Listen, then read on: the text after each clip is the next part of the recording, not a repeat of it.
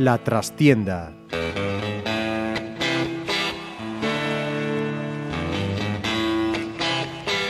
Saludos amigos, os habla Ramiro Espiño en nombre de todo el equipo. Comenzamos una nueva edición y hoy muy especial de La Trastienda en Pontevedra Viva Radio desde nuestros estudios en la calle Michelena de Pontevedra. Y es que se repitió la historia por tercera vez en una semana. El Pontevedra se quedó con la miel en los labios, esta vez a falta de dos minutos, encajando el gol de la derrota en Talavera, aunque siendo sinceros, a la vista de lo sucedido en el campo, lo milagroso es que ese gol no hubiese llegado antes. Buenos 30 minutos iniciales, adelantándose en el marcador y un hundimiento total a partir de ahí, con repetición de errores que ya empiezan a ser crónicos. Pero la noticia llegaba al término del partido cuando Luisito comunicaba en sala de prensa su decisión de dimitir, considerándose único responsable de la mala situación deportiva que atraviesa el equipo. La presidenta Lupe Murillo anunciaba consejo de administración para las 10 de la noche, al regreso de Talavera, y tras ese consejo la noticia de que no se aceptaba tal dimisión. Las explicaciones se aplazaron hasta el mediodía de este lunes, aunque no sé yo si la decisión con el respaldo a Luisito es la medida que necesita el equipo, especialmente tras el aspecto derrotado que el domingo presentaba el técnico, o si es un parche para aplazar, en principio hasta diciembre, una medida traumática y dolorosa. De todo lo sucedido, incluyendo las razones por las que se ha llegado a esta situación, así como posibles soluciones, vamos a hablar hoy con nuestros queridos compañeros periodistas en Diario de Pontevedra y Faro de Vigo que siguen habitualmente la información del Pontevedra. Cristina Prieto, saludos y bienvenida de nuevo. Muchas gracias, buenos días. Xaime Nogueira, moi boas. Hola, buenos días. Xurxo Gómez, ¿cómo estamos? Hola, buenas. Y Alex Dávila, que además estuvo en Talavera, igualmente saludos. Buenas. Y que por lo tanto es testigo de primera mano, aunque otros lo vimos por la tele, de, de lo que allí pasó, ¿no? Pues, sorpresón. Yo, a mí se me quedaron los ojos como platos. ¿Por qué? Pues porque a pesar de que, de que Lupe dijera después que, que bueno... Ah, que dices son... sorpresón de lo de después, no del partido. No, del partido no, el partido de la segunda parte se veía venir. Pero lo de después fue, fue pues, traumático. Bueno, derrota en Ponferrada en el descuento, empate en Pasarón en el descuento, derrota en Talavera en los últimos minutos. Esto ya no es casualidad. Desde mi punto de vista, vosotros decir lo que queráis, se llama no saber competir. Uf.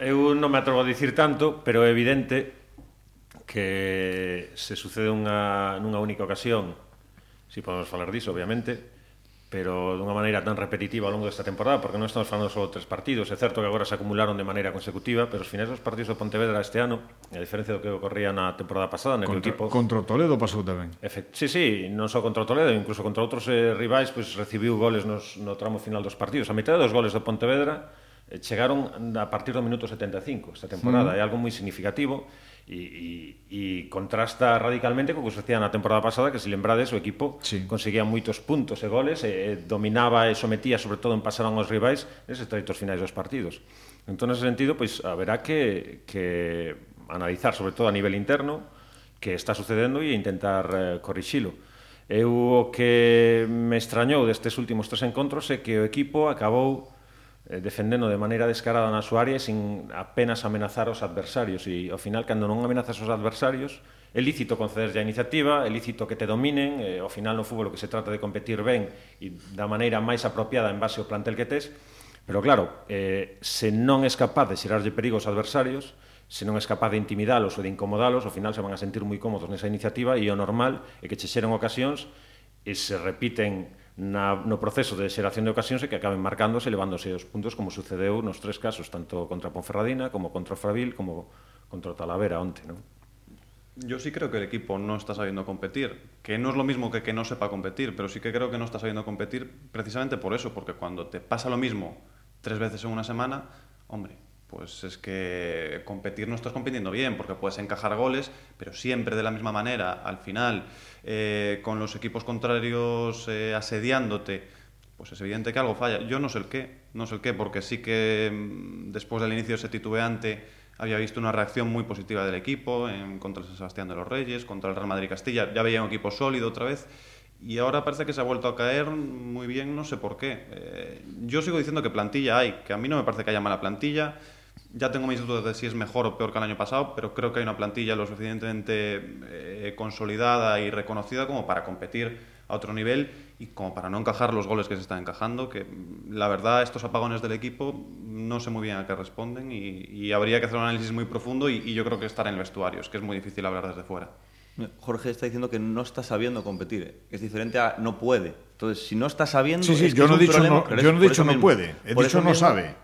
No saber es un problema psicológico, no es algo físico. Con lo cual, a lo mejor, pues ahora que están tan de moda estos psicólogos deportivos, igual habría que meter a una persona más en el cuerpo técnico para que le inculque eso que dice Luisito, de que él recibió tantas hostias en la vida que ya es capaz de levantarse siempre. A lo mejor es que la plantilla no, está, es que está capacitada para recibir esas hostias. Igual hay que fichar a un, psicólogo, a un coaching, ahora que están de moda, y a lo mejor la presidenta puede ayudar. Yo tengo una, conocida que fue un curso de coaching aquí en Pontevedra y tuvieron un discurso de, de Murillo. Pues a lo mejor ella puede ayudar también a, que la plantilla cambie una mentalidad ganadora. Y, y, de ahí, luego ya cuando, cuando, el, cuando el cerebro te dice una cosa, las piernas funcionan. Y cuando te dice la otra es cuando, cuando te entra el miedo. Es que yo creo que es una cuestión de miedo, porque el equipo parece que le falta seguridad, ¿no? Porque es marcar un gol y ya inmediatamente da un paso atrás, ¿no? No sé si eso es un problema también desde el banquillo. Yo creo que Luisito también tiene un poco de miedo a que le empaten el partido y a lo mejor también echa un poco el equipo para atrás.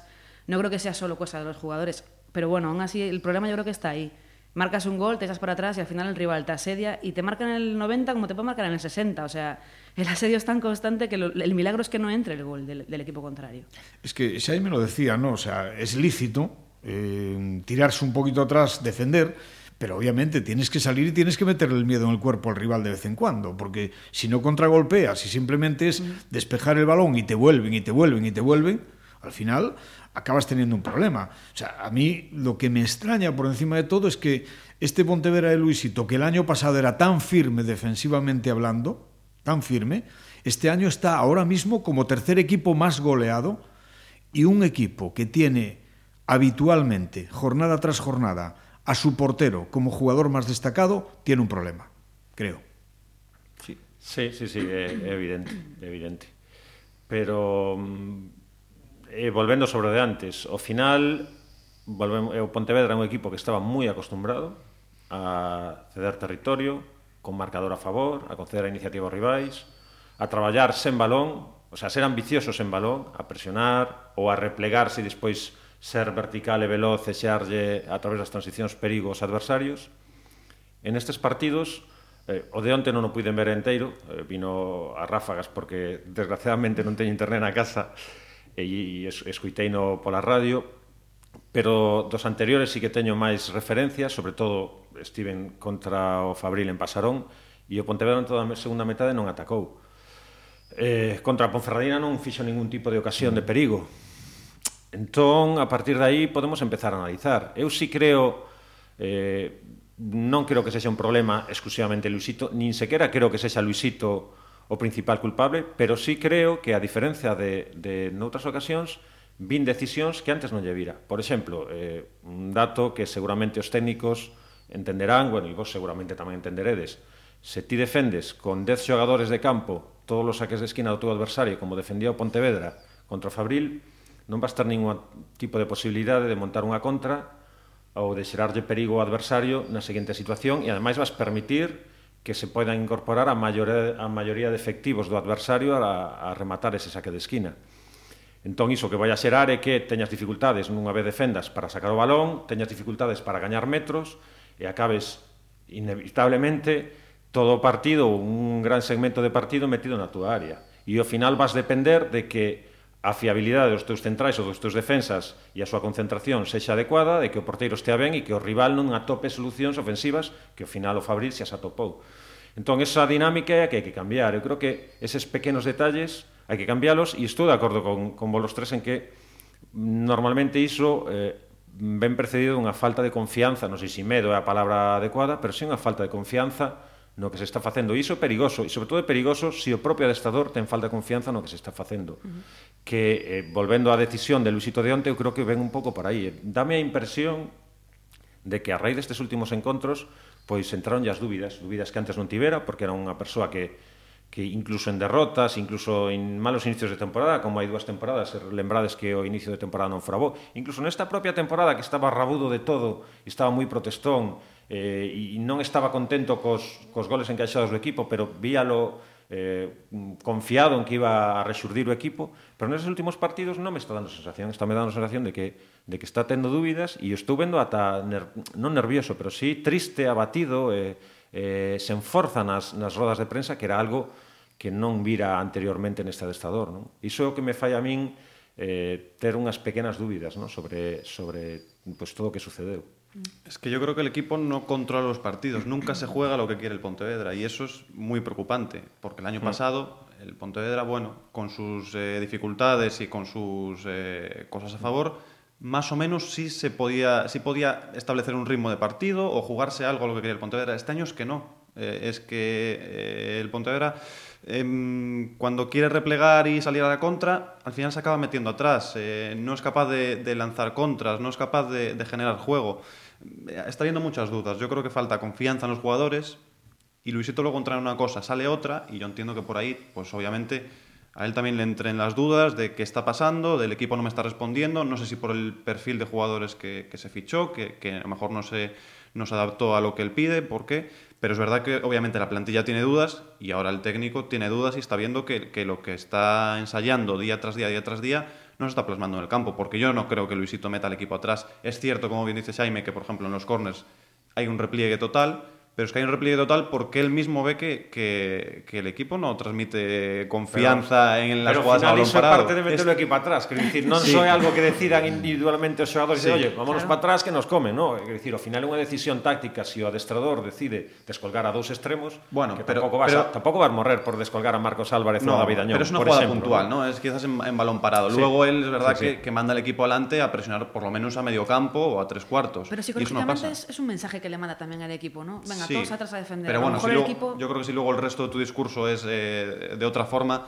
no debería tener incidencia. Y, y, creo que la está teniendo porque los jugadores no están sabiendo dar ese paso adelante, porque hay dudas, porque cuando ganas tienes miedo de perder, porque las cosas no están saliendo bien, porque a lo mejor había unas expectativas que no se están creando y todo ese caldo de cultivo pues está generando lo que está generando, que es una sensación de inseguridad, de inestabilidad en el equipo que, que pasa factura y se nota. De todas, perdona, Ramiro, sí, sí, sí, ¿no? de todas maneiras, é certo que, que o equipo non está ben, non vou a negalo eu, é certo que non está ofrecendo a imaxe que esperábamos, pero sorpréndeme a decisión de Luisito, pues tampouco me parece tan absolutamente dramática a situación clasificatoria do Pontevedra. Iso para empezar. Ni las sensaciones. E segundo, é certo que a sensación desta semana non foi boa, pero houve vos momentos. E contra o Deportivo B, o partido non foi un auténtico desastre, ni moito menos. É certo que na segunda parte o Fabril lle pasou por riba ao Pontevedra, pero na primeira o Pontevedra fixe unha primeira parte digna. Tampouco creo que sexa para ayer volvernos también, todos. también contra el Talavera, la primera parte. La primera fue, parte, fue para, cierto. Pero primeros 20 minutos seguidas de esa, de esa manera, igual fue, quitando el partido del Ferrol, que en Ferrol contra en, en, Amalata fue un buen partido, pero quitando eso, yo creo que los primeros 20 minutos de, del Pontevedra fueron los mejores. Pero ¿qué puede pasar? ¿Qué puede pasar a un equipo, por ejemplo, porque ayer eso, 30 minutos más o menos, 35, el Pontevedra daba una buena imagen, creaba muchísimo peligro en las acciones a balón parado, esa es otra circunstancia, que Luisito apostó por el músculo, ¿no? Y por los centímetros sobre todo pues buscando otro tipo de, de, de alternativas en lugar de bueno pues buscar los pequeñitos, dejó a Añón, que quizás sea lo más sorprendente fuera, el máximo goleador, que yo sepa, no tenía Era ningún problema, problema físico. físico. ¿no? Era un problema físico. Bueno, pero entonces no lo lleves, no le hagas hacer 1.500 kilómetros ida y vuelta para no jugar un solo minuto. Si tiene un problema físico, no le lleves.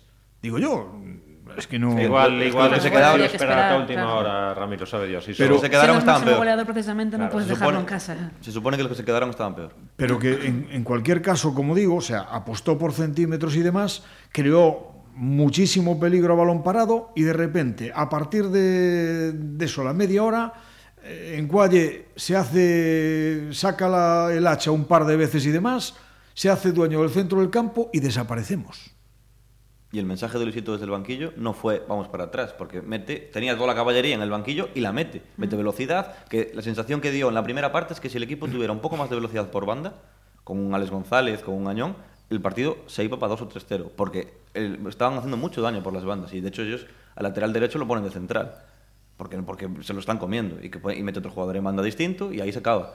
Pero el Talavera en la primera parte a mí me dio señal de, de un equipo muy blandito. Y Pero... es verdad que se jugaba, perdona Ramiro, un poco lo que quería el Pontevedra, que es lo que hablamos, que ahí sí se jugaba lo que quería el Pontevedra. El Pontevedra había apostado por el músculo y por la velocidad a la contra. Bueno, marca ese gol en el minuto 3 y a partir de ahí, pues más o menos domina el partido sin conceder, eh, jugando a la transición rápida, por- con velocidad por banda. Eh, es, es verdad que no estaba, bueno, Mourinho ahí obviamente no es un hombre para eso, pero con Marcos Álvarez estaba generando mucho. En las jugadas a balón parado, con la altura que, que comenta Ramiro, pues también. Pero sin embargo luego llega el apagón y eso es lo, lo incomprensible. Cuando los resultados no funcionan, se suele decir siempre, o se suele pensar, físicamente el equipo no está bien. ¿Ese es el problema o es que realmente los nervios no dejan que el físico desarrolle lo que puede? Pois eu creo que non está mal físicamente. De feito, na segunda metade houve unha fase xusto antes da última fase na que o Talavera volveu a apretar, na que incluso vi mellor o Pontevedra que o Talavera e que me daba a sensación de que o Pontevedra podía volverse a facer dono un pouco da situación e que pode, podía volver a chegar, que entrou próximo no campo, empezaron sí, a antes antes frase. del gol, a partir do minuto sí, 70 sí, sí, máis ou menos. Exactamente, a partir do 70, sí, 70, 75. Sí que é verdad que hasta aí nos pudieron meter 4. ¿eh? Entón, eh? no, sí. é, é certo, certo, completamente certo, pero xusto aí parece que parecía que acababa un pouco a galerna, non, o temporal e que o Pontevedra xa, xa podía recoller os paraugas e que eu tiña a impresión de que o Pontevedra iba a ter máis iniciativa e ti iba a ter moito máis protagonismo, moito máis protagonismo no no partido. E curiosamente, pois bueno, despois eh, sucedeu ese tramo final do partido. Eu non vexo que sinceramente non vexo un problema físico. Veía ao principio da temporada que o equipo estaba moi mal de forma porque a pretemporada non fora adecuada, porque houbera moitos contratempos físicos eh, pequenos en xogadores que non puderan levar a intensidade de traballo do equipo que quería Luisito e demais. Pero non o percibo agora en absoluto. En Pues yo ahí, yo ahí discrepo, Jaime, porque yo creo que sí que hay jugadores que están tiesos. Y no es mala preparación física, porque el Pontevedra al final yo creo que está muy bien preparado.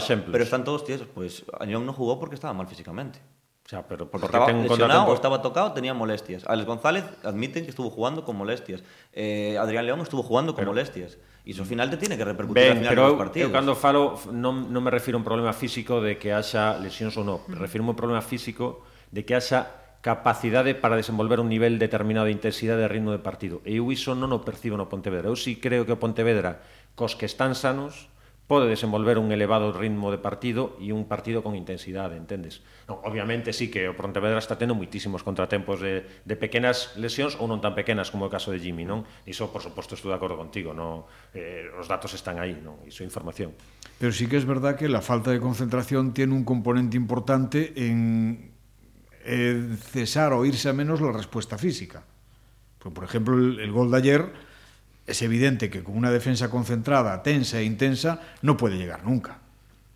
Es que el problema es mental, yo creo. El, el equipo está preocupado porque falla siempre a partir de cierto minuto, empiezan a temblar las piernas, pero no por cansancio, sino por, por miedo de, de encajar gol, que al final acaba entrando precisamente por eso. Es un problema de seguridad. Los resultados al final afectan muchísimo y son un lastre importante. Pero entonces volvemos al saber competir, que es un poco lo que decíamos. A ver, Luisito muchas veces nos dice en rueda de prensa que él odia el otro fútbol, ¿no? Lo que se llama y tal. Y a mí me parece muy bien como filosofía. Yo en ese aspecto lo aplaudo. Pero, amigo, mientras las cosas no rueden mejor, refúgiate como puedas. Y sabes que estás teniendo un problema en los últimos minutos, no se juega. Sí, pero bueno, es que es, es que es complicado. Yo, eh, sobre el problema mental que hablamos, yo es que eh, por etapas veo al, al Pontevedra que cada cierto tiempo le, le surge un problema mental con algún aspecto relacionado al juego. Y podemos echar la vista atrás y ver el año pasado el tema del gol. ¿Cuántos partidos estuvimos el año pasado sin meter gol? Y el equipo... Se lesionó Barco y Se adiós. lesionó Barco y adiós. Fue como un apagón.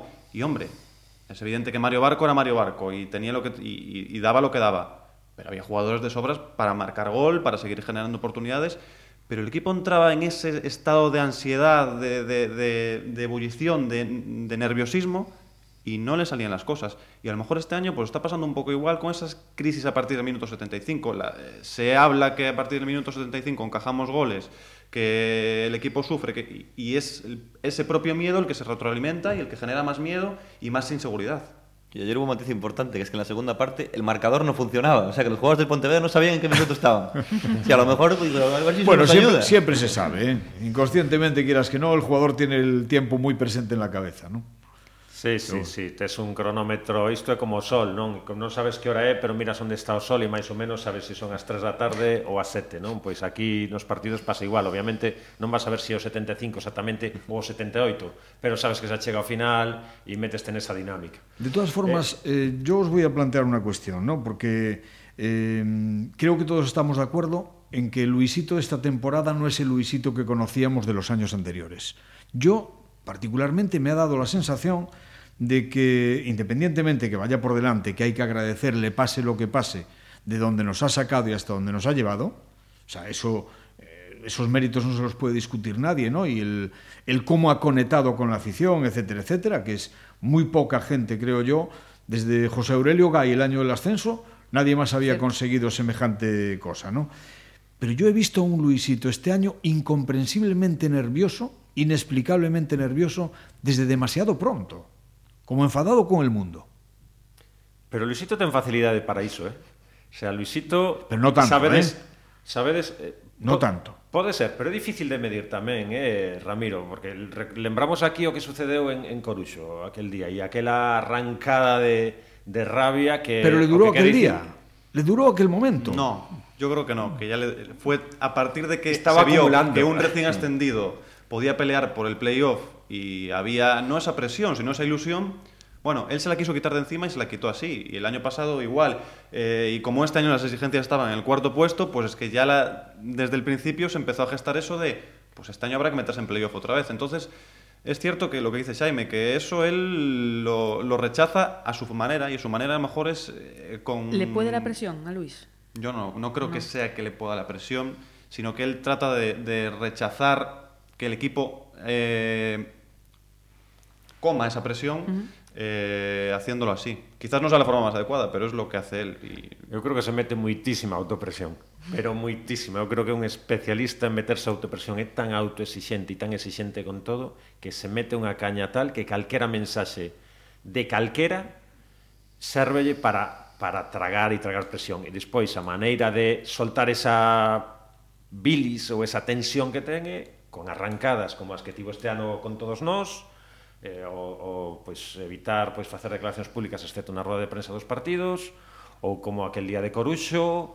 ou, ou como supoño que en moitas outras ocasións que agora non me veñen a, a memoria pois en, en momentos de, de, de, de crise, de tensión ou de dificultade non?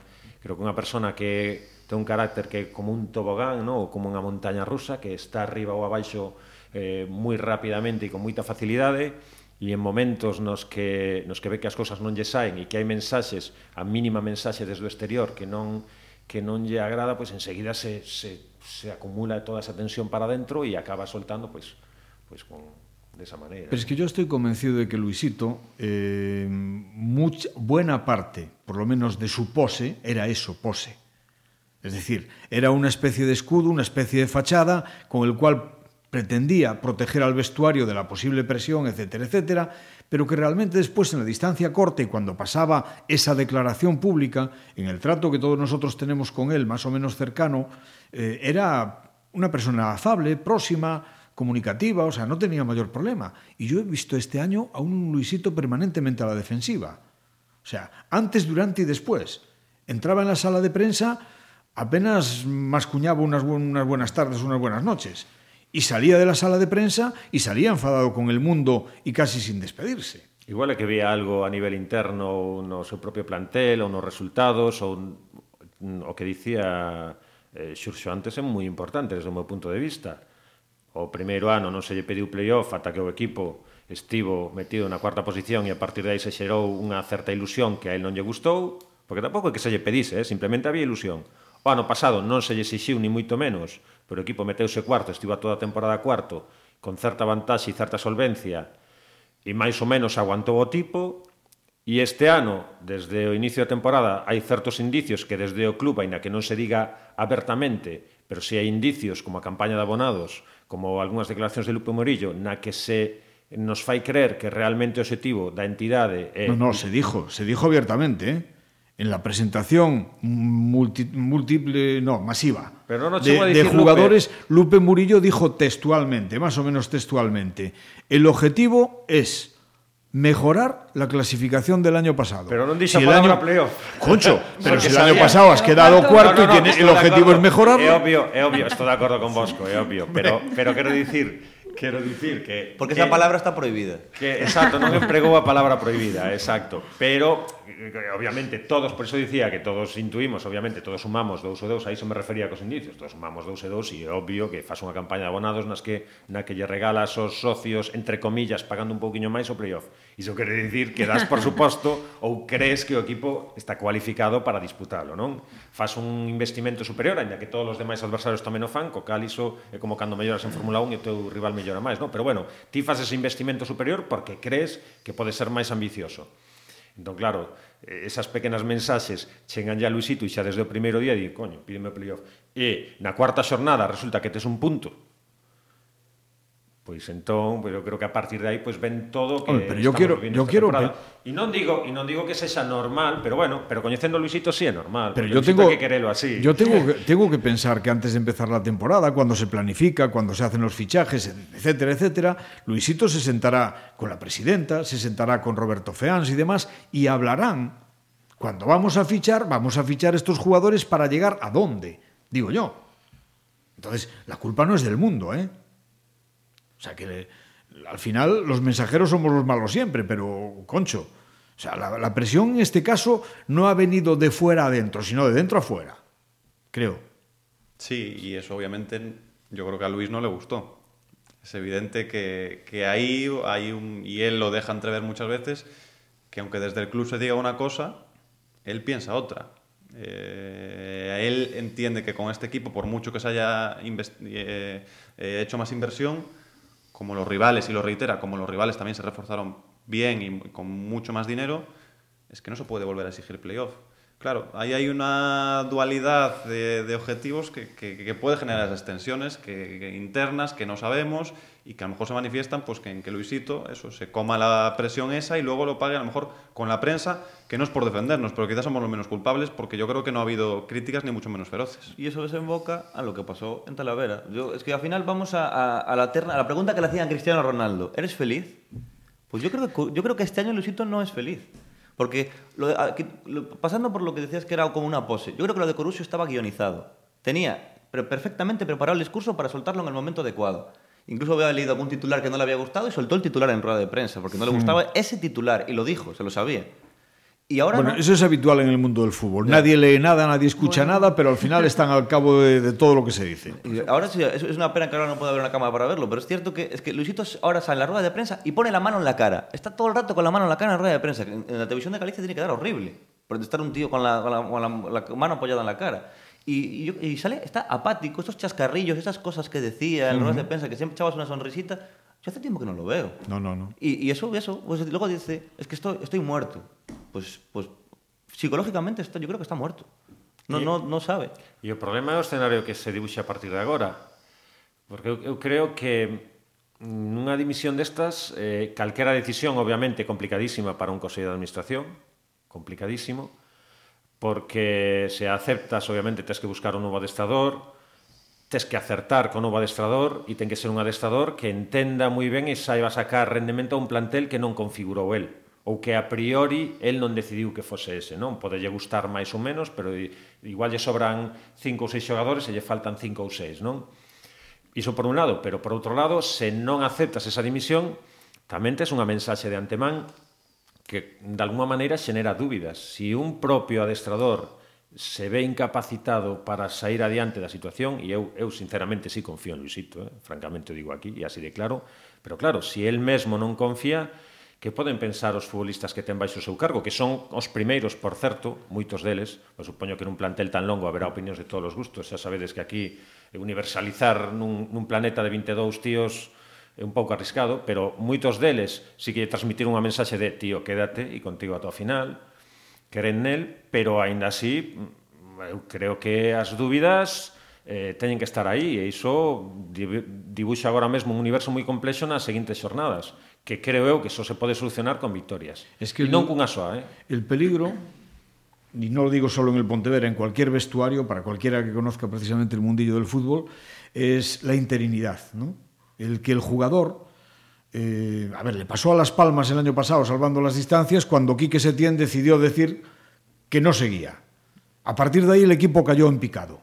No creía en el discurso del entrenador y el entrenador tampoco sabía qué decirles para motivarle cuando ellos no es que lo quisiesen hacer a propósito, pero inconscientemente dice, si total este se va a ir.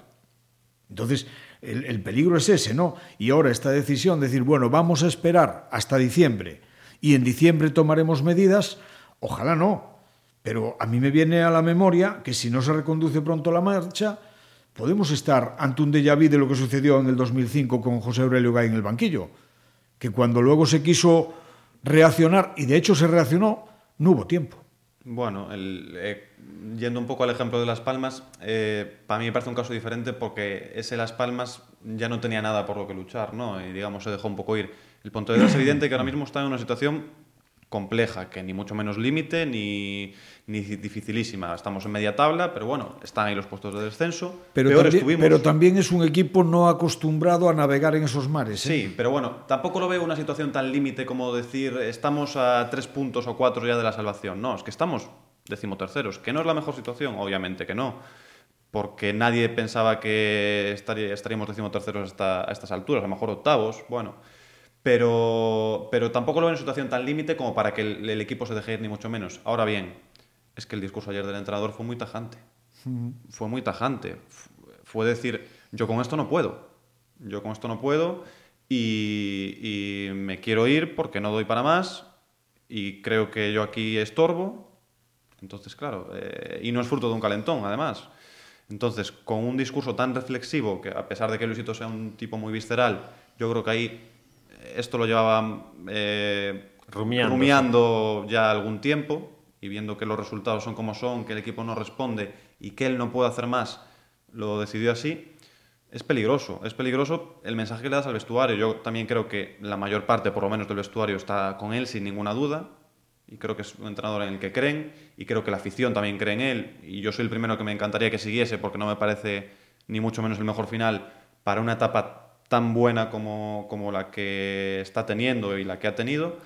Pero es un mensaje peligroso para, para el vestuario, eso de, bueno, eh, mm, me voy, pero no me lo aceptan, pero a ver en diciembre. Claro, es, es que cuando llegas al siguiente entrenamiento, ¿qué les dices a los claro. jugadores que el día anterior han escuchado lo que han escuchado? É que se si vos dades conta, isto é o mundo revés. Son os futbolistas os que están animando o adestador. Somos todos os do entorno os que temos de alguma maneira algunha relación con Luisito que lle estamos transmitindo ti e eses tíos poder sacar isto adiante. Non é el o que lle está dicindo os xogadores. Podedes con isto, son eles o que lle está dicindo el. Podes con isto. É algo realmente Que no ha pasado casi nunca, extraño. vamos. Sí, Sí. sí, sí, realmente extraño. Yo creo que el mensaje que se manda de lo de la, amenaza de la revolución en diciembre, creo que es todavía más presión para el equipo, cosa que no le beneficia para nada, porque justo lo que tiene el equipo es presión y ansiedad por, por esos goles que encaja al final. Entonces, incluso puede ser más perjudicial. Igual que me parece, eh, en cierto modo, acertada el- la decisión de no aceptar la dimisión, porque sus motivos tendrán, y me parece un espaldarazo de confianza. Pero, claro, por un lado das ese espaldarazo de confianza al entrenador, que me parece fantástico, y, y el hecho de, no, contigo vamos a muerte. Y, hombre, ahora hablar de revolución y tal no me, no me parece lo más adecuado ni lo más coherente cuando haces un, un acto tan lógico o una línea tan clara como es eh, negar al entrenador la salida. Sí que es verdad que bueno, los fichajes, salvo escasas excepciones, y han sido muchos, desde mi punto de vista no están respondiendo al nivel de una plantilla que se dice, unos hablan de 90.000, otros llegan hasta 200.000 euros, es más cara que la del año pasado. Y bueno, no sé si eso pues añade también un plus de, de- de presión o señala a más responsables que Luisito, aunque él se ha cargado a sus espaldas la responsabilidad absoluta de la situación.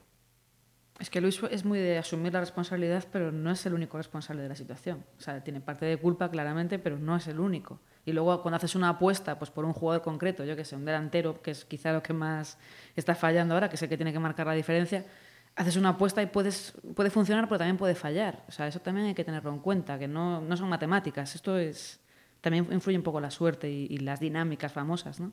Es que Luis ha utilizado muchas veces cuando un jugador se va o acaba el contrato y no se le renueva, nunca habla mal o no suele hablar mal de ellos. Dice simplemente que él no es capaz de sacar más de ellos y que como con él no van a ser capaces de evolucionar más porque no, no es capaz él de exprimirlo más, se echa la culpa a sí mismo, lo mejor es que se vaya a buscar eh, otro, otro club. Y ahora, pues es lo mismo, es lo mismo pero al revés. Cree que él no va a ser capaz de sacarle más a esa plantilla y que el problema es él. Y ahora le están diciendo los jugadores, no, no, nosotros podemos dar más y lo vamos a dar más por ti. Vamos a, o sea, en vez de hacer a la cama, al todo lo contrario.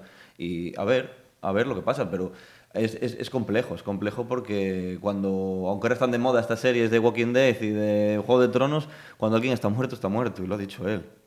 Es que, sí. Perdón, Xaime. Ramiro, que non sei que vai a suceder agora e que escenario se dibuixará a nivel interno de plantel, ¿no? pero a este respecto creo que está fora de toda dúbida e creo que estaréis de acordo comigo en que eu non sei se están ou non, pero que non se lles pode reprochar é falta de profesionalidade. Pode ser reprochar erros, pode ser reprochar máis ou menos coñecemento do xogo, erros tácticos, mala, mala colocación ou o que sexa. Pero a nivel de esforzo e sacrificio, eu francamente creo que non lle, se lle pode dicir nada aos futbolistas. Eh, polo menos ata, ata agora, non? E non sei o que sucederá, espero que continúe esa dinámica a partir de agora e que e que crean un pouco máis no que fan claro. No, y los fichajes, John, sí, es que sigo pensando que no son malos. Carlos Ramos es un chico que hace tres años estaba debutando con el, bueno, tres, cuatro, los que sean, debutando con el Cholo Simeone en Copa del Rey. En pretemporada fue el mejor. En pretemporada hizo una pretemporada fantástica. Eh, Miguel Ángel a mí me parece un lateral con unas potencialidades tremendas, pero es que, por poner dos casos, ¿eh? quizás a lo mejor de momento no se han sabido adaptar a lo que Luisito exige, que es un ritmo altísimo, presión, son jugadores a lo mejor de otro corte. Y, yo lo hablaba con, con- con gente del club en pretemporada, me decían, este año fichamos gente para jugar al fútbol. Sí, pero es que a lo mejor Luisito pues es que no apuesta por un estilo tan sosegado y quiere un estilo más vertical, Y más más rápido, más ofensivo, eh, no de tanta pausa. Y a lo mejor de momento es que no han sabido entrar en el equipo, porque Carlos Ramos, que a mí, me, como dice Alex, hizo una pretemporada fantástica, yo no lo he visto este año aún sobre el campo hacer prácticamente nada. Y me parece un chico con una calidad tremenda. Pero Jorge Hernández, otro caso igual. Son gente que de momento no se han sabido adaptar, que no sé si lo harán o no lo harán, pero... Pero de a Jorge momento- se lle vin cousas, aí non estou de Sí, acordo. A sí, Jorge sí. sí, a Carlos, Sí, sí, a Carlos A eh, Jorge non, moi ainda. intermitentes, e, e incluso xogando moi arriba ás veces, ¿no? Eh, non, non, non atoparon o seu sitio, creo. Pero a lo mejor es un problema de falta de continuidad también, porque ha habido cambios y hay cambios casi de semana a semana, pero, Pero yo, por ejemplo, múltiples. este ¿no? fin- esta, esta semana lo veo normal. Me parece bien que, que haga cambios, que introduzca, porque tres partidos en una semana y con el equipo tan cascado, sí que es normal. Y, y es evidente que cuando las cosas no, no funcionan hay que cambiarlos. Entonces no me parece tan raro que con esta dinámica tan irregular se produzcan cambios. De hecho, cuando el equipo encadenó victorias seguidas, el 11 fue idéntico. Pero al final no hay que olvidar quiénes son los dos puntales este año del Pontevedra. Es un jugador que el año pasado era el revulsivo de las segundas partes, que ahora mismo me parece que con Añón es el mejor, y, y Añón, que es un jugador que el año pasado que marcó tres goles. Ahora lleva, lleva nueve. Sí, pero y, ano y- pasado... y parece que es fundamental. Parece no, es fundamental en el equipo. El año pasado también lo era, es cierto. Pero bueno, estaba, estaba a la sombra de, de Barco y de Jacobo Trigo y dos jugadores que brillaban quizás un poco más porque, porque eran más, quizás más regulares, no sé. Pero este año están tirando ellos del equipo y son jugadores que vienen de esa continuidad, de ese. Ya no necesito apre- eh, aprender un modelo que ya ya sé. Los nuevos tienen que aprender a, a eso. Y a lo mejor hay- en la segunda parte, que siempre se dice, no, las segundas vueltas de Luisito, que no saca tantos puntos como en la primera, pues, eh, hombre, este año tendrá que ser así, porque si no, válgame Dios. Pero a lo mejor allí es cuando vemos si, si realmente esa revolución no llega, porque si llega, al final van a tener que volver a adaptarse, y eso es uno de los problemas que ha pasado en el Pontevedra. ¿Por qué no funcionaban los jugadores que llegaban en Navidad? Porque es difícil coger el ritmo y adaptarse a lo que pide Luis. Que haces una revolución, empiezan de cero otra vez. E a lo mejor, a lo mejor es un error. Sí, ese de feito creo que un dos problemas, aparte das múltiples lesións que houve en, en pretemporada, un dos, dos problemas principais que, que padeceu Pontevedra para coller ritmo na temporada. A grande cantidad de cambios e de xente que ten que aprender a, a saber o que quere o adestrador e a encaixar con todas as demais pezas. Pero entonces sí. los que no aprendemos somos nosotros como club. Lo digo porque el año del ascenso a tercera se mantuvo el bloque que nos ascendió y se hizo una muy buena campaña en la reentré en Segunda B. Y de repente, cuando el año pasado nos ponemos en playoff, o sea, dejamos que se vaya prácticamente todo el mundo y volvemos a cambiar y empezar de cero. Y el año del ascenso incluso también, en diciembre entraron jugadores nuevos y a partir de diciembre fue cuando empezó a ir la cosa regular o, o menos bien de lo que de cómo iba. O sea que quizá eso es muy importante la continuidad de la plantilla.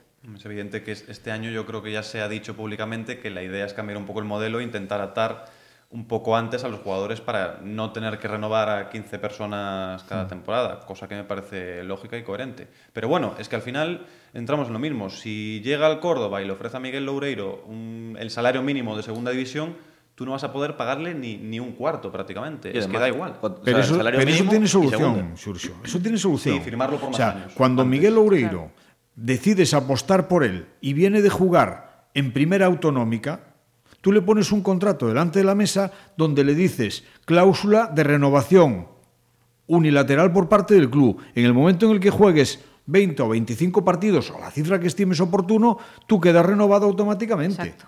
No esperas al mes de enero, porque claro, vosotros fijaros, el año pasado Miguel Loureiro, a estas alturas, más o menos, todo el mundo decíamos, jo, este chaval mucho tiene que mejorar. Era un desastre táctico, era un portento físico, pero un desastre táctico.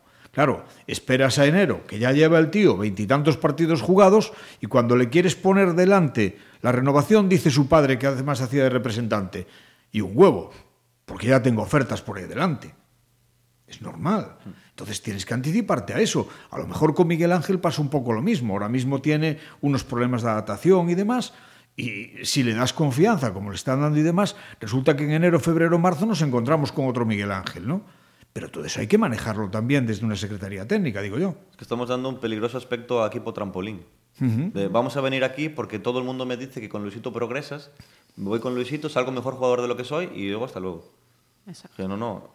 Ustedes vienen aquí para quedarse y que el Pontevedra sea su trampolín a segunda división, no para que utilices esto como para coger inercia y después hasta luego que me voy Para al subir con el Pontevedra, no dejar al Pontevedra y subir tú. Efectivamente.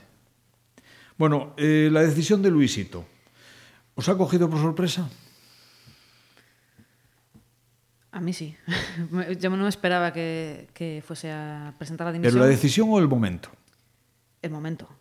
O sea, yo no- si, el, si el equipo siguiera en esa dinámica, pues quizá sí sería lógico, pero es que, bueno, quizá también ha coincidido que son tres partidos seguidos que, que se suma, bueno, que son resultados un poco adversos y que quizá eso es lo que ya le, le ha metido prisa, porque han sido tres partidos en una semana, entonces, bueno, pues igual se, agobió él de más. Pero a mí me sorprendió que, que tirara la toalla porque no, no me parece... Bueno, este año que decís que tampoco ha cambiado, Luisito, ¿no? Pero a mí no me parece una persona que tire la toalla, todo lo contrario. Entonces, no sé, me, me sorprendió por eso, más que nada. Yo siempre pensé que, que si se iba del Pontevedra es porque acababa el contrato y, y decidía no continuar, o porque decidían desde, desde la junta directiva rescindir su contrato porque, por resultados. Cosa que yo pensé que podía pasar cuando empezaron la liga y se, perdió, se ganó el primer partido, el de San Sebastián de los Reyes. Pensé que si se perdía a lo mejor sí podían tomar alguna decisión arriba. Se ganó y no pasó nada. Y luego, después de empatar contra el Fabril, que, que diga esto en esta rueda de prensa, después de un partido que, bueno, la primera parte no había sido mala. Pues sí, a mí sí me pilló por sorpresa, pero ya partiendo de la base de que yo nunca pensé que una persona luchadora, como, como se sabe y como se dice, que es él mismo, Luisito, decida que, que no lucha más. Es evidente que sorprende. Eh, yo, como comentaba Alex ayer en Twitter, un tweet que te leí ayer, es evidente que hay cosas que no sabemos. Porque sorprendente es. Entonces, tiene que haber ahí algo detrás, no sé si de índole personal, deportiva o lo que sea, que no sabemos. A mí me sorprendió mucho, tanto por el momento, como por el lugar, como porque no creo que sea lo más adecuado, porque, hombre, vemos al equipo, estamos digamos, entre comillas, criticando, que tampoco es crítica, hablando un poco, analizando que es irregular, que le está costando y tal, pero yo no veo un equipo muerto, como tampoco lo veía en las primeras jornadas, pero ahora no veo un equipo muerto y que además, dentro de lo que cabe, pues va consiguiendo resultados eh, no buenos, pero sí aceptables, porque empatamos contra el Fabril, que podíamos haber ganado, eh, contra la Ponferradina, es verdad que la imagen en la segunda parte no fue buena, pero se podía haber empatado en Ponferrada, que la Ponferradina va a ir arriba y es un campo complicado. El otro día si llegamos a estar un poquito más acertados en, en Talavera, a lo mejor nos vamos 0-2 o 0-3 al descanso y, cambia la cosa. Entonces no ves a un equipo muerto como para que el entrenador diga es que no puedo con esto. Entonces eh, a mí me sorprendeu muchísimo. Sí, a min todo.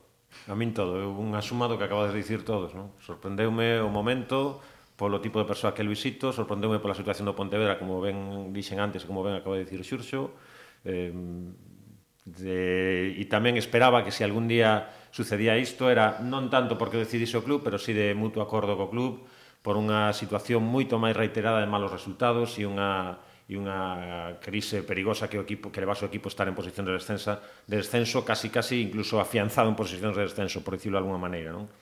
Entón, nese sentido, a verdade é que me chocoume tanto que que conto a anécdota que me ia a ir a comer, de feito fun a comer, tiña comida coa familia, retrasáronse eh, as miñas irmás en chegar e entón regresei á miña casa e de repente atopeime un WhatsApp anunciando a, a, a dimisión de Luisito por parte dun compañeiro de prensa, dunha compañeira de prensa de, de Talavera que me deixou fr francamente alucinado. Ao principio pensei que era unha broma e pouco despois eh, chamaches metí Ramiro, e para invitarme a estar aquí e, e dixen, bueno, non, non era ningunha broma, era, era real, non era a guerra das galaxias ni nada polo estilo, non? Es que esa es otra, ¿no? Entón eh, a ver, hay una... Anunciar la dimisión a distancia. Mm, es la mejor opción.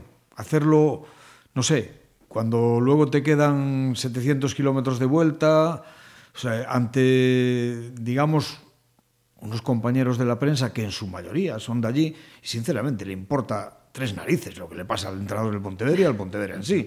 Será una llamada de atención, a lo mejor. Es que tampoco es su estilo, ¿no? Sí, es que no sé, no... Quizás a lo mejor lo que quiso evitar es que... Preguntas. Más preguntas, ¿no? Eh, hacerlo, pasar el mal rato, porque yo creo que es un mal rato, obviamente, tanto para nosotros como para él, como para el club, y, y evitar las preguntas, como luego cuando llegó el autobús y estábamos todos esperando, obviamente no quiso hacer declaraciones, que es completamente lícito, es evitar un poco esas preguntas. Entonces yo creo que lo quiso hacer así y a todo eso se sumó, pues no digo el cabreo, pero sí esa sensación de que, ostras, otra vez un gol en el último minuto. Pues es que ya es el momento, ya es el momento para que esperar. Yo creo que no, no era adecuado precisamente por eso, porque ahora ten- luego tenía un viaje de ocho horas en el que los jugadores le iban a estar comiendo la oreja y, y la presidenta supongo que también para que se quedase. O sea, lo hizo en caliente, vamos a decirlo así. No lo creo que fuese en caliente, No, no. sino que, eh, eh, bueno, decidió que ese era el mejor momento, pero eh, es cierto que luego tenía el viaje y tal, y eso puede hacer, no digo cambiar de opinión, pero sí que eh, haya mucho mensaje externo para que, que- que se quede. Yo creo que un pouco sí que en caliente lo hizo, eh? Eu, que eu sinceramente non creo que o fixes en quente no sentido no que nos entendemos quente, pero a cabeza de Luisito sempre está quente. Sí. É dicir, eh, desde que acabou o partido do Fabril ata que empezou o partido contra o Talavera, Luisito estaba rumiando. Estaba rumiando e estaba e non se parou a analizar fríamente nin as consecuencias, nin a ou si sí o fixo, pero non igual co criterio adecuado. E sucede o que sucede en Talavera no minuto 89, E claro, chega a roda de prensa e o tío xa arranca ali e dice, bueno, antes de que me preguntedes, traca atrás Adiós a todos e. Pero curioso de todo isto é que normalmente cando estás tan tan convencido de que vas dimitir, despois non, haz- non é irrevocable, eh? E a Lusito, eh, Lupe Murillo, como ben dixo hoxe, dixolle, segue sendo adestrador de Pontevedra, e Lusito dixo, vale, ok. Claro, es que esa respuesta, por ahí iba yo también un poco. A mí me sorprende todavía mucho más. Sí. O sea, eres tan radical y tal, y luego con un vale, bueno, vale, es suficiente. Que non sé- estamos pedindo que se vaya. No, no, no, no, no, No, ven, no, para estamos nada. analizando, no, revés, en ningún momento. revés, eh. A lo mejor es un problema eh, de léxico de Luisito en rueda de prensa, porque Luisito dijo, he presentado mi dimisión como entrenador del Pontevedra. Y hoy Lupe Morillo dijo, ha puesto el cargo en disposición del club, que es distinto. Es muy diferente. Pues, yo le digo al club que si quiero, que, que- que si queréis me voy. Claro. Sí, pero lo que dijo Luisito lo hemos escuchado de- todos. sí, pero a lo, a lo mejor, a lo mejor a lo que le dijo la presidenta es, si queréis que me vaya, yo me voy. Claro, obvio que utiliza Y utiliza las palabras, unas palabras que no son las adecuadas. Después en de dimitir, de dimitir es unilateral, Claro. y punto, y se acabó y no hay más que hablar. Eh, quiero irme, quiero romper el contrato, vamos a llegar a un acuerdo para romper el contrato. Ahora, pongo el cargo a disposición, es... Es otra "Mira, cosa. Yo me voy. Hago lo que vosotros queráis. Yo me voy. Si que me queréis que me vaya, me voy porque no quiero ser un estorbo. Y yo creo que a lo mejor, quizás, viendo este desenlace final, fue un poco lo que pasó. Que él necesitaba a lo mejor ese espaldarazo de confianza que, evidentemente, la Junta Directiva le dio. Yo voy a aportar el dato que lo que yo vi allí. Lo que yo vi allí fue, Lupe estaba al lado mía en la sala de prensa y estaba súper tranquila. De hecho, yo miré así de reojillo para ella y me dijo, no se la voy a aceptar. Diciendo, que diga lo que quiera. Y los jugadores dijeron todos, E nos esperando Que no se lo creían. noite e non podías avisar. pero si luego lo dijo, dijo, no se lo voy a aceptar. Yo, pues, ¿no se lo vas a aceptar? Luego, luego, luego dijo que había reunión, y esa reunión igual no se la aceptas tú, pero el resto... Pero, pero, y los jugadores también, los jugadores te preguntabas y luego decía, pero todavía creéis que hay una opción de que se quede? Y decían todos sí. Claro, sí, pero- todos los jugadores. Vamos a ver, los equipos de Luisito tienen un líder claro e inequívoco, de siempre, que es el propio Luisito. Y yo la pregunta es si en el estado anímico en el que está ahora mismo Luisito es capaz de liderar a este equipo. Es lo que hablamos un poco, que es peligroso por el mensaje que mandó tan claro y contundente. Ahora, no lo sabemos, no sabemos qué pasa ahora mismo por la cabeza de Luisito, si él se ve con fuerzas eh, después de todo este apoyo unánime, tanto yo creo que por parte del equipo como de la Junta Directiva, como de prácticamente toda la afición, como hasta creo que de la prensa, que nos hemos mojado bastante a su favor. Eh, yo supongo que, que- que ahora hay que ver si, si de verdad eso le ha hecho cambiar y le, y le da ánimos y fuerzas para, para, seguir para seguir con el equipo, o es algo deportivo que él cree que no y bueno, van a estar ahí un poco hasta diciembre en esa interinidad, en esa inestabilidad, no lo sé. Es que solo un pequeño apunte y luego intervenís vosotros con respecto a lo de la prensa y tal. Decís, es que, que no se confunda. eh, el decir que se juega mal no significa ni criticar ni cuestionar ni a Luisito ni al equipo. Lo que pasa es que nuestra obligación es decir, si se juega bien, se juega bien, si se juega regular, se juega regular, y si se juega mal, se juega mal. Iso, eh? iso, e despois está a opinión de cada un de dicir se si queremos que é o mellor o peor ou un adestramón o adestrador que debe de seguir ou non debe de seguir, pero obviamente o que non podemos é falsear a realidade nin os partidos, nin o que sucedeu. Seríamos uns mentirosos se dicimos aquí que o Pontevedra foi superior ao Fabril na segunda parte ou no partido en xeral, porque na primeira parte estivo igualada, equilibrada con erros do Fabril que nos permitiron ir noso que lle permitiron ao Pontevedra irse ao descanso co Dusón, pero na segunda parte creo que todos coincidiremos que foi un repaso e, e todo isto con todo que levamos falando agora, é dicir, aquí o que se trata é de eh, comentas ti de, de comentar por un lado os feitos e despois se cada un de nós temos a, a nosa opinión o respeto, pois eu levo defendendo a Luisito desde que chegou porque me parece un, un entrenador fantástico, é a miña opinión. Obviamente vos, pois teredes a vosa e, e é todo moi respetable, e eu non lin, non lin ou non percibín grandes críticas ou críticas moi, moi eh, inmobilistas cara a Luisito en plan de que Luisito ten que abandonar o Pontevedra porque é un cáncer para o Pontevedra nadie, ou porque é un mal adestador desde para los Pontevedra. medios de comunicación nadie lo ha dicho no, no, no. E, e casi nin desde a afección eh, porque sabedes que a afección de pasaron é exixente crítica e a veces e a veces demais e tampouco percibo iso si hai os típicos afeccionados rancios que os dos partidos perdidos están, Luisito non ten que seguir no Pontevedra, isto noutra época non pasaba. Claro, son viscerales, hombre, e sobre todo acompañados sí, acompañados muchas veces claro, de sendas son... copas de veterano de soberano antes de entrar. Exactamente. Pero, a ver, pero eses son catro, eses son catro, francamente, neste caso tensión, concreto. Es normal, no. pero bueno. Porque sí, tiene sí. crédito. Es un entrenador que tiene mucho crédito. Es como, es como ahora, ¿qué cuestiona Zidane en el Madrid? Si ganó dos Champions, o sea, ¿cómo vas a cuestionar a un entrenador que te dio eso? Tienes crédito. Pero pues sin otra embargo, cosa, otra cosa es que, que llega uno nuevo. Pero vos decir una cosa, Alex. Zidane ten crédito no Madrid. Pero Luisito, ata esta temporada, non só tiña resultados, tiña xogo. Mm. Zidane tivo xogo 4 meses da temporada pasada, ou 3, que foron os meses que lle levaron o Real Madrid a ser campeón de Europa e da Liga unidos erros reiterados do Barça na, na Liga, vale? Pero Zidane gañou unha, unha Copa de Europa que aínda non sabe como. Que aínda non sabe como e gañou este ano e vai e, e este ano iniciou a temporada como a iniciou. É dicir, hai moita diferencia, mm. estou de acordo contigo, que os, ao final as copas de Europa están aí e iso que ao final lle dá respaldo a Zidane, pero creo que hai diferencia entre Luisito e Zidane. Neste caso a favor de Luisito. Javier Clemente no seu tempo tamén ganou dúas ligas seguidas e a ver como as ganou. Exactamente. Pero bueno, a ver, volviendo un pouco al tema, a ver, las críticas eh, críticas las que, ah, por ejemplo, este domingo hizo en el Bernabéu, tú que hablas ahora de, de- del Madrid y demás, compañeros de la prensa de Las Palmas, a Paco allí estarán. Eso no eran críticas, eso era lanzar cuchillo de huello. y aquí, afortunadamente, que yo tampoco comparto esa forma de hacer, ¿eh? me parece absolutamente desproporcionada, porque nosotros no estamos ni para poner ni para quitar entrenadores, simplemente para dar nuestra opinión sobre lo que vemos. ¿no? Pero eso sí son críticas. Ahora, un poco por, por ir cerrando, aunque comentar lo, que queráis, ¿no?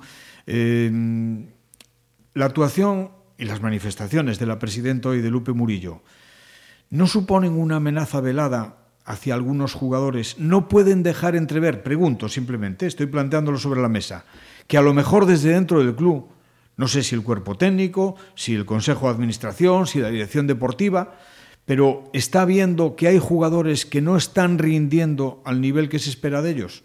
Porque ha dejado una espada de Damocles ahí en el sentido de que si en diciembre esto no se reconduce, tomaremos medidas, creo que dijo más o menos así, para mejorar el equipo. Invertiremos el dinero si hace falta. Es un aviso navegantes. Bueno, pero es que es evidente, y eso lo vemos todo, que hay jugadores que no están respondiendo a las expectativas. Eso no es ni mentir, ni, ni es lo que hablamos, ¿no? Dar un poco nuestra opinión e interpretar lo que vemos.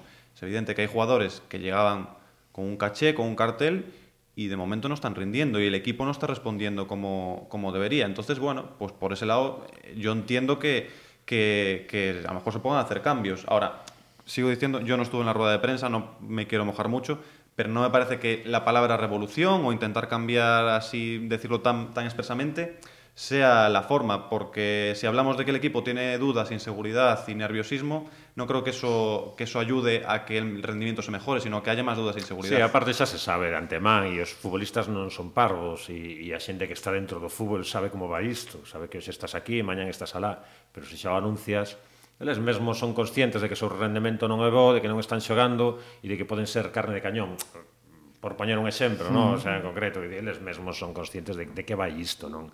Non é necesario facer ese anuncio. Ti sabes que vas facer, resérvalo para ti mesmo e cando teñas que tomar decisións, tomarás decisións e negociarás con quen teñas que negociar. Haberá futbolistas que atopen destino e nin sequera necesitarás pagarlle nada máis porque son moi honrados e... A lo mejor hai algúns que incluso se queren ir ellos. Mm. Efectivamente, efectivamente. E vai haber outros cos que por moito que os queiras que queiras que se vayan, ou lles pagas todo o contratado ou non vas ter esa facilidade. Mm. Entón, é dicir, si me parece, parece un pelín arriscado. Eu entendo que teñan esa idea, de feito eu tería e teño tamén, pero non a manifestaría públicamente. E. Y, perdón, los jugadores, eh, los que se sientan aludidos, eh, ¿cómo se lo tomarán? ¿Reaccionarán bien? ¿Reaccionarán mal? Dirán, mira, me están amenazando, ahora sí que paso de, de, todo. Yo no creo que sea un problema de actitud, yo creo que el equipo sí que tiene buena actitud, pero te mandan ese mensaje y a lo mejor respondes mal, a lo mejor no respondes sí, no, bien. No todo el mundo responde de claro, la misma manera al mismo estímulo, es que, evidentemente. Si te sientes aludido, a lo mejor es que ya sabes que no estás rendiendo como tienes que rendir y que... No, porque tienes una, un, un, carácter así, ¿eh? También hay gente que porque se lo toma todo como algo personal y dice, pues me enfado y ahora no respiro, yo qué sé. Bueno, chicos, estaríamos aquí toda la noche hablando, pero hay que ir cerrando ya, que se nos echa un poco el tiempo encima. Una última cuestión para Alex, que estuvo allí, ¿no?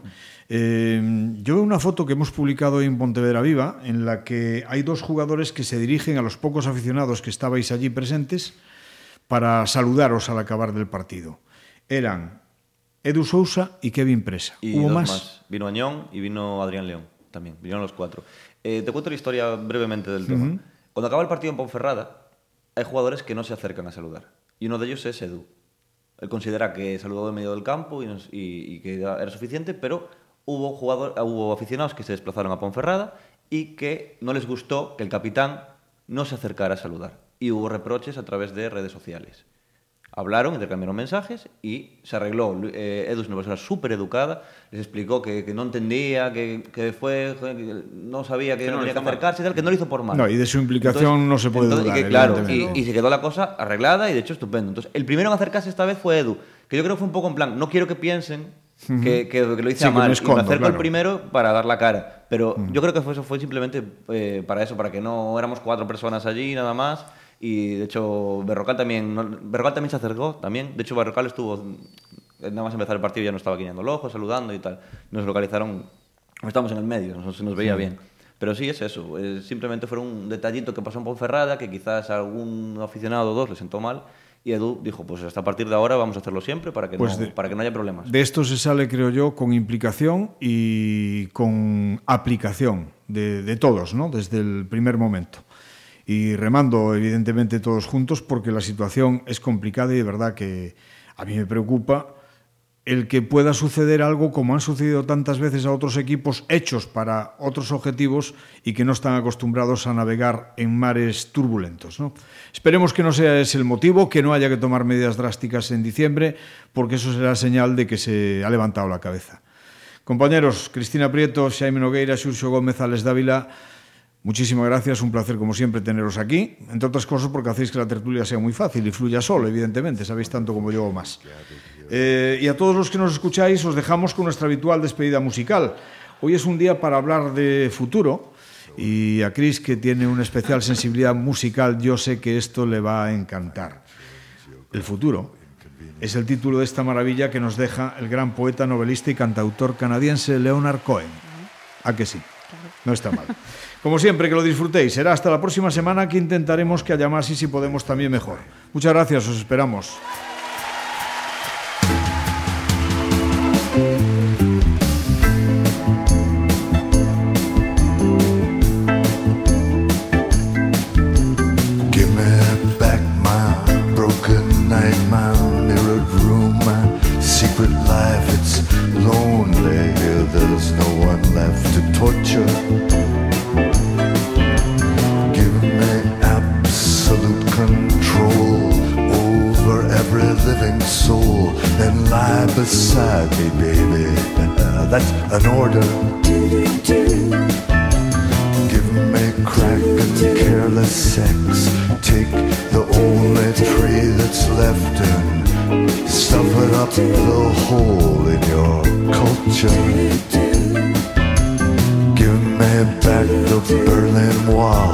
Give me Stalin and St. Paul. I've seen the future, brother. It is murder. Things are gonna slide. Slide in all directions. Won't be nothing, won't be nothing you can measure anymore. The blizzard, the blizzard of the world has crossed the threshold and it's overturned the order of the soul. When they said, They said, repent, repent,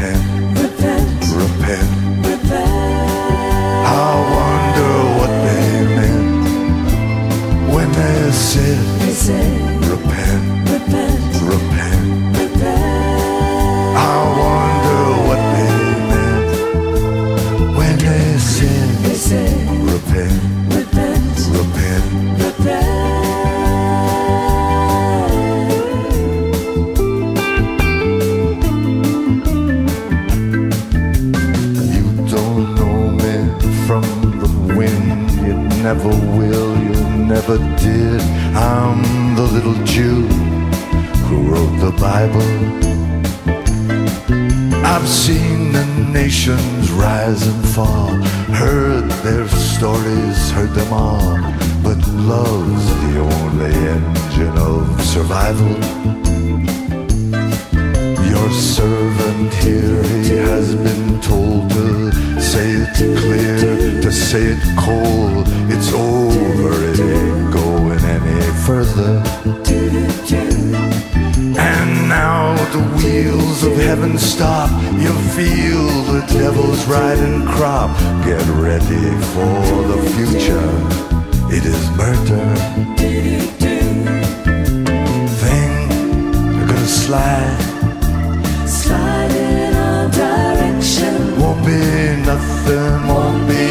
nothing you can measure anymore. The blizzard, the blizzard of the world has crossed the threshold and it's overturned the order of the soul. When they said, They said, repent, repent, repent, repent. I wonder what they meant when they said, They said, repent, repent. I wonder what they meant when they said, repent, repent, repent. repent.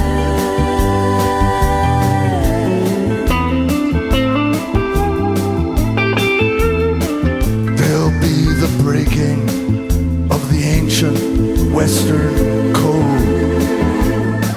Your private life will suddenly explode.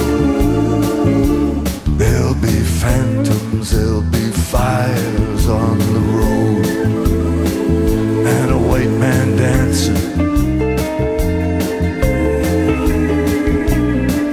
You'll see your woman hanging upside down.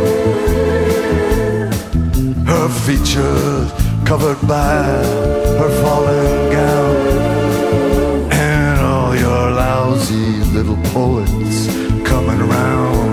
trying to sound like Charlie Manson.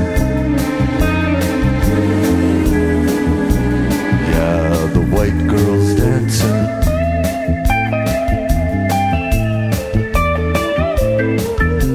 Give me back the Berlin Wall. Give me Stalin and St. Paul. Give me Christ or give me Hiroshima. Fetus now. We don't like children anyhow. I've seen the future, baby. Uh, it is murder. Thing gonna slide. Slide in all Nothing won't be nothing you can measure anymore. The blizzard, the blizzard of the world has crossed the threshold and has overturned the order of the soul. When they say, They say, repent, repent, repent, repent. I wonder what they meant when they said, They say, repent, repent, repent. repent. I wonder what they meant when they They say,